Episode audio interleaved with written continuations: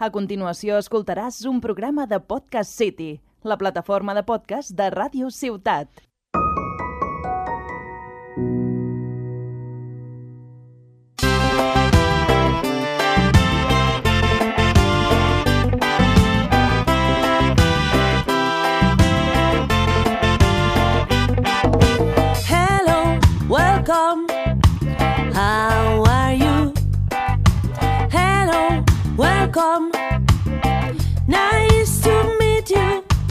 Famílies, benvingudes de nou a Cultureta. Al podcast d'avui us parlarem de les activitats que hi ha programades per les dues properes setmanes.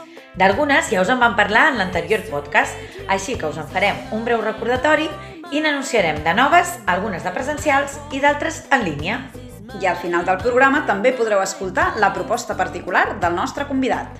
Avui tenim a l'Oriol Grau, no us el perdeu. Com sempre, aquí estem l'Ingrid I l'Alexandra. i això és Cultureta, el programa per a les famílies fet en família. Comencem! Comencem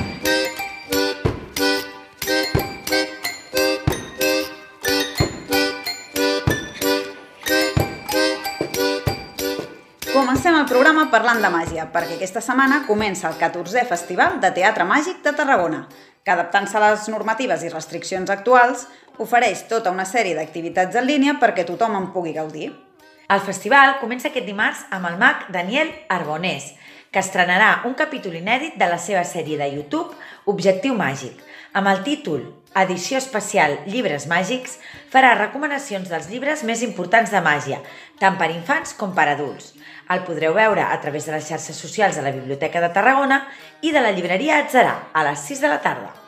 L'endemà dimecres, dia 11, hi haurà una edició especial del programa Realitat o Ficció, de Tarragona Ràdio, on el mag Gerard farà màgia interactiva amb els oients.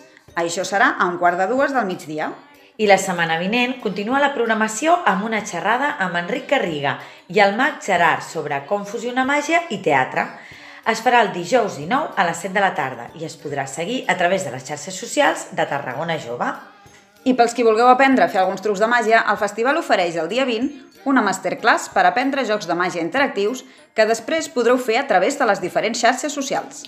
L'activitat es farà en línia a les 8 de la tarda, però en aquest cas per participar-hi heu de fer inscripció prèvia al web de Tarragona Jove. I dimarts 24 torna Daniel Arbonés amb un nou capítol d'Objectiu Màgic. Es podrà veure a través del seu canal de YouTube a les 6 de la tarda. I l'encarregat de tancar el festival serà Immanol Ituinho, amb Màgic, un espectacle de màgia virtual creat especialment pel festival, on interactuarà amb els espectadors i on tothom podrà fer màgia al mateix temps des de les seves cases. Es podrà seguir a través del Facebook i el YouTube de Tarragona Jove el 27 de novembre a les 9 del vespre. I seguim amb més propostes teatrals. Deixem la màgia i els espectacles virtuals per parlar dels que s'han programat de manera presencial. Aquest dissabte, al Teatre Auditori del Morell, la companyia La Baldufa presenta Embolica la granja. A la senyora Gallina li desapareix un ou. Això crea moltes desconfiances entre els habitants del mas i posen al punt de mira el corp, un nou vingut de l'estranger. A partir d'aquest argument, l'obra, en forma de faula, aborda temes com la tolerància, la immigració o el racisme, i ho fa de forma senzilla a través de personatges coneguts pels infants com són els animals i també amb molt d'humor. La representació es farà a les 6 de la tarda. Les entrades anticipades costen 3 euros i a taquilla 5. I la setmana vinent, Eduard Ferrer i Gerard Mallorquí porten el fauna, el drac i el dimoni al Teatre de Valls. Els protagonistes d'aquesta història són un calderer ambulant i el seu ajudant, que per tenir més clientela van explicant les aventures de diferents personatges i les peripècies estranyes en què ells diuen que s'han trobat. L'obra està recomanada a partir dels 4 anys i es farà el dissabte 21 a les 6 de la tarda. Les entrades costen 8 euros. I us recordem que per aquest cap de setmana també hi ha previstos dos concerts, dels quals ja us vam parlar en l'anterior podcast. Dissabte a les 6 de la tarda, al CaixaFòrum de Tarragona s'hi podrà veure Bitàcola, cançons i sons electrònics en un submarí. I diumenge a les 12, al Teatre Tarragona, el concert teatralitzat del Pot Petit.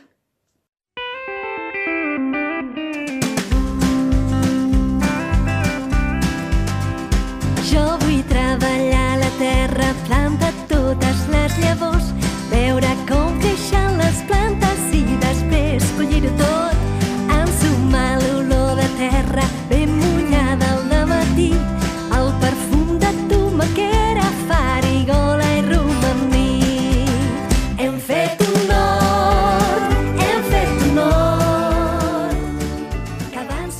comencem a parlar-vos dels tallers amb aquesta cançó de la Damaris perquè precisament el primer taller que us volem comentar és el de petits animals de granja i hort ecològic, que es farà aquest diumenge a Cornudella de Montsant.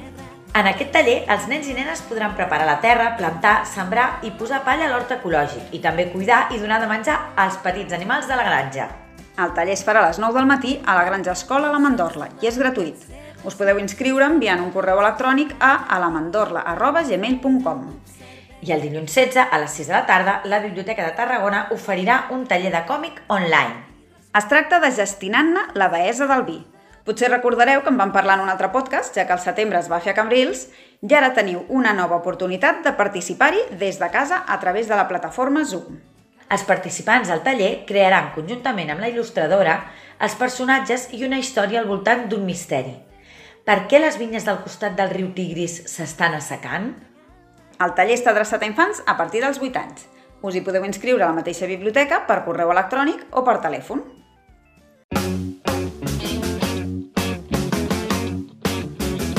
Imperial Tarraco, la de ciclopeas murallas. Imperial Tarraco, bello rosario de playas. Imperial. I ara se n'anem de visita pel patrimoni cultural. Els dies 14 i 29 d'aquest mes, el Museu Nacional Arqueològic de Tarragona oferirà jornada de portes obertes a totes les seves seus per commemorar els 20 anys del nomenament del conjunt arqueològic de Tàrraco com a Patrimoni Mundial de la Humanitat per la UNESCO. I també amb motiu d'aquesta efemèride hi ha programades per aquest diumenge unes visites guiades al Pont del Diable. L'activitat consistirà en una visita guiada i un tas de vins i most del Priorat acompanyats per productes de proximitat. Es realitzaran diverses visites de 45 minuts, sent la primera a les 3 de la tarda i l'última a les 6.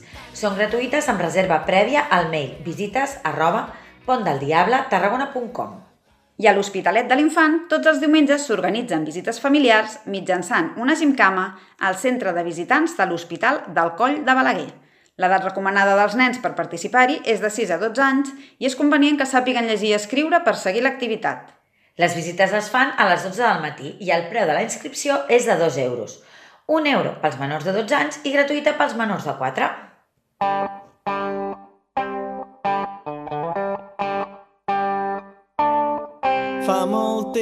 Temps ell estava esperant al castell desitjant poder fer els 18 anys Tenia ganes de tenir 18 anys per treure's el carnet de conduir i anar al llac de la vall a banyar-se a pilotes.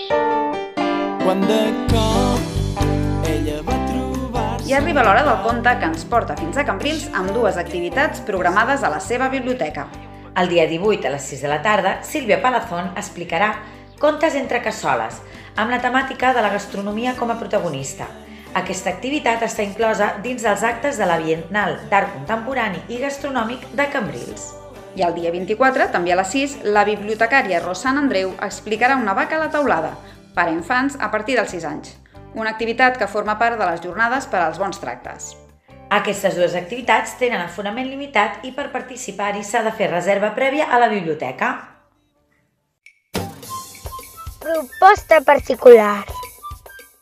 I ara ha arribat el moment d'escoltar el nostre convidat amb la seva proposta particular. Avui l'actor, director i guionista Oriol Grau ens porta no una, sinó quatre recomanacions molt interessants. Pareu bé l'orella. Hola, sóc l'Oriol Grau. I en aquest temps de pandèmia i de confinament i tancats tots a casa, he pensat que el més raonable és recomanar-vos quatre llibres perquè, a més a més de fomentar la lectura, i es poden llegir en família, també descansem els ulls de tanta pantalla. El primer es diu Edu se viste de princesa, de la Núria Díaz i la Patricia Moreno. I el títol gairebé ja ho diu tot. L'Edu és un nen de 4 anys que li agrada disfressar-se de princesa i anar per tot arreu així. El segon llibre es diu El meu pare es pensa que sóc un noi, de Sofia Label, i parla d'una nena a qui li agrada jugar a jocs que a principi no estan atribuïts a nenes, no? El tercer llibre és Vivan les uñas de colores i parla sobre el Joan, que té 4 anys, és un llibre d'Alicia Costa. Al Joan li agrada pintar-se les ungles de colors i anar per tot arreu així. I el quart és per nenes i nens de més de 10 anys i es diu La carta de Noa, de Hueta Iglesias. I és una carta que escriu ella mateixa als seus pares perquè ella és una noia a qui li van assignar el sexe masculí quan va néixer, però ella en realitat és una nena. I tot el que suposa en la defensa i la informació que té aquest tema. Totes i tots som una mica ignorants sobre els rols de gènere i els comportaments sexuals diferents, però aquests llibres ens poden respondre algunes de les preguntes que ens poden fer la canalla. Ens sorprendran quan els coneixem, però aquest coneixement segur que ens ajuda a fer un món millor. Per això us els recomano. A reveure! Moltes gràcies, Oriol. Unes recomanacions molt interessants. Alguns d'aquests llibres sí que els coneixíem perquè s'utilitzen a les aules per parlar sobre els estereotips de gènere i fomentar la tolerància i el respecte a la diversitat i de la resta de títols en prenem nota.